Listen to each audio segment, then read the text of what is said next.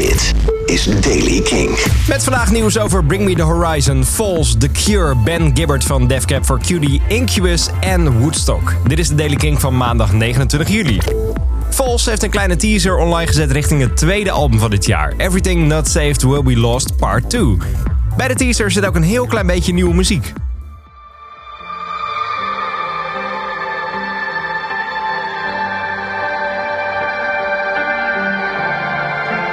Eerder vertelde de band al tegen King op Down Rabbit Hole dat het nieuwe album in oktober zou moeten uitkomen. En er is nog meer geteased, in dit geval van Bring Me The Horizon. Eerder waren er al geruchten dat de band met Halsey in de studio zou zitten. En nu zijn er bewegende beelden en wat audio vanuit de studio. Do it again. It sounds so cool. Let me do it again. I'm, gonna faint. I think. Is it too crazy? I think it fits. No, it's sick. Let's go. Come on. Het is sick and too crazy, heel benieuwd.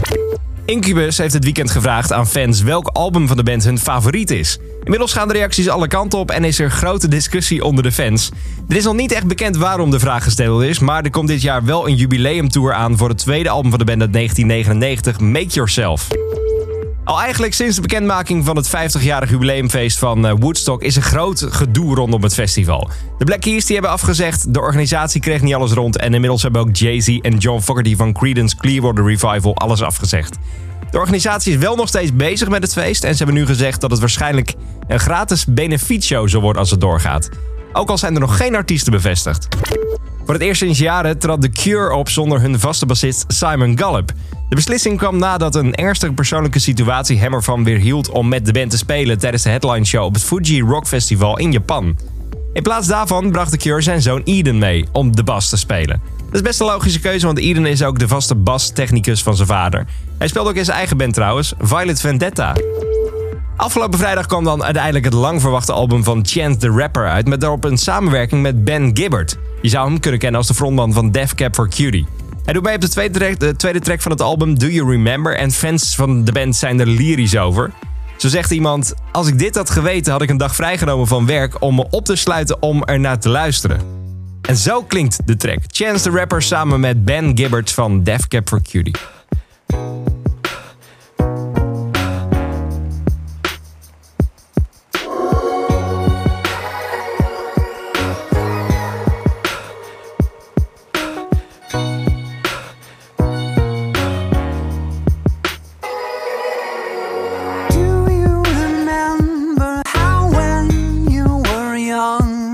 The summers all lasted forever?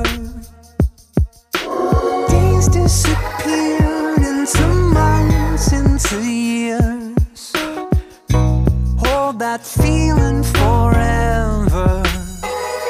I remember the summer Lil Channel got a hold of his household. The same summer that widowed Gwyneth Paltrow.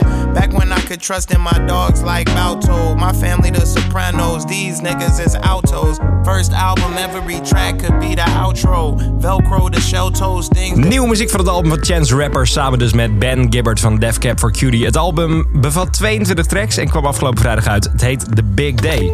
Tot zover de Daily King van maandag 29 juli.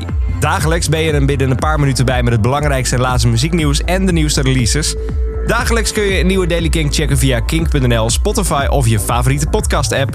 Elke dag het laatste muzieknieuws en de belangrijkste releases in de Daily King. Check hem op kink.nl of vraag om Daily King aan je smart speaker.